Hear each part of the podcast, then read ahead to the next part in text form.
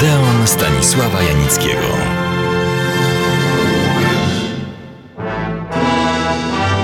Kiedy dziesiąta muza ruszała w bój, bagatelka przed 120 laty, pionierskimi gatunkami filmowymi były komedie i dramaty. Wtedy komedie były bardzo śmieszne, ale dosyć jednorodne i niezbyt wyszukane. Dramaty występowały w różnych, jak to dziś się mawia, odsłonach. Powstał jednak pewien specyficzny gatunek filmów i to już w pierwszym okresie, który towarzyszy z różnym rzecz jasna nasileniem całej historii kina. Jego naukowa, precyzyjna definicja brzmi tak, cytuję. Jest to wysokobudżetowy film kostiumowy o cechach widowiska, na które składa się udział gwiazd i setek, no dodałbym tysięcy, statystów, rozmach dekoracji, a współcześnie także mnogość imponujących efektów specjalnych. Wysokość budżetu stanowi jedną z głównych dźwigni reklamy całego przedsięwzięcia, będąc jednocześnie przedmiotem rywalizacji jego twórców. Państwo oczywiście wiecie, o jakie to filmy chodzi. O superprodukcje, zwane też potocznie supergigantami.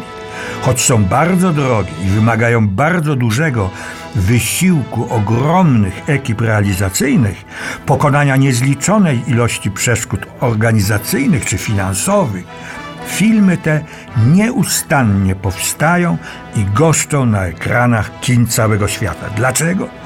Bo my pragniemy od niepamiętnych czasów w równej mierze chleba, jak i igrzysk.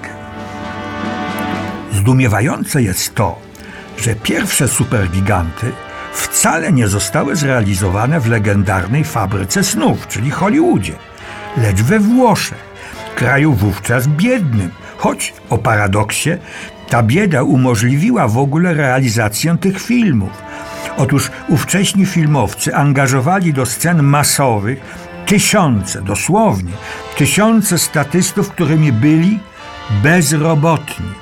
Mimo katorżniczej pracy przy filmie, te centy czy też te kilka lirów czyniło ich szczęśliwymi.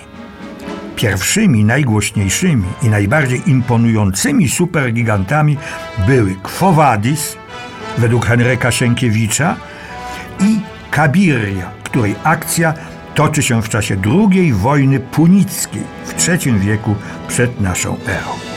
Pierwszy wszedł na ekrany włoskie, a potem całego świata w 1913 roku.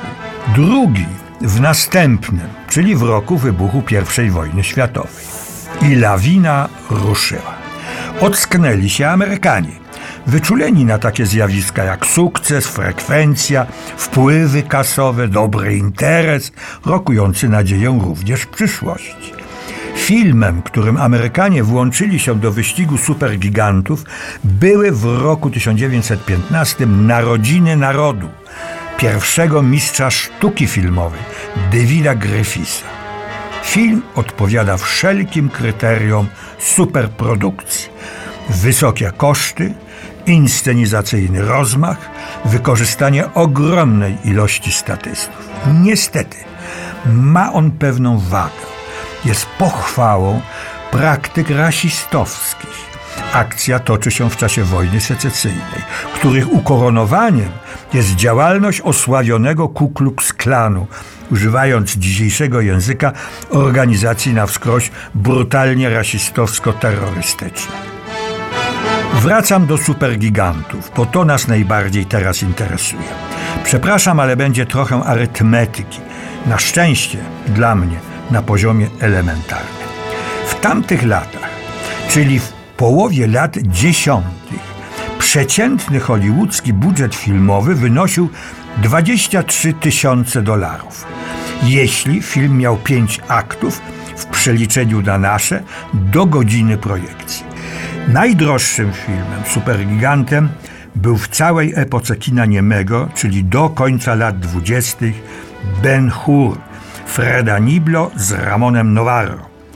Film kosztował prawie 4 miliony dolarów. Wtedy, w roku 1925, a więc 90, powtórzę, 90 lat temu użyto do filmowania jednego filmu, co ja mówię, jednej sceny wyścigu rydwanów największej ilości kamer.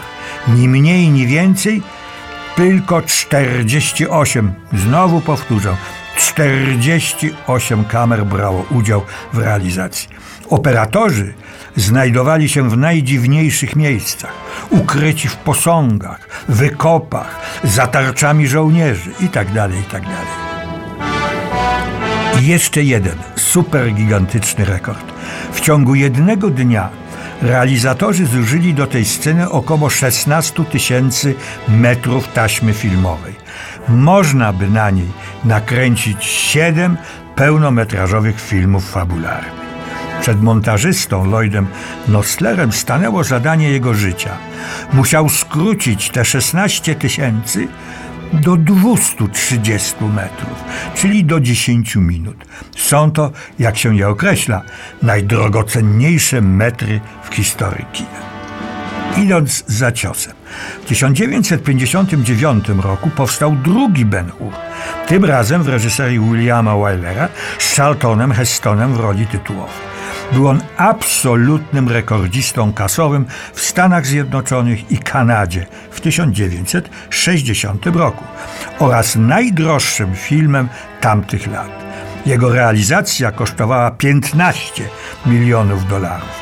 Zgodnie z danymi wytwórni Metro Goldwyn Mayer, role dialogowe miało w tym filmie 365 aktorów, choć w czołówce filmu figuruje tylko 63. Podobnie jak w wersji niemej, nakręcono horrendalnie dużą ilość materiału. Na jeden metr ekranowy przypadało 47 metrów roboczych. Dźwiękowy Ben Hur zdobył największą ilość Oscarów 11 od najlepszego filmu poprzez najlepszą i drugoplanową rolę męską do kostiumów i efektów specjalnych. A o dalszych rekordach supergigantycznych opowiem za tydzień. Serdecznie zapraszam.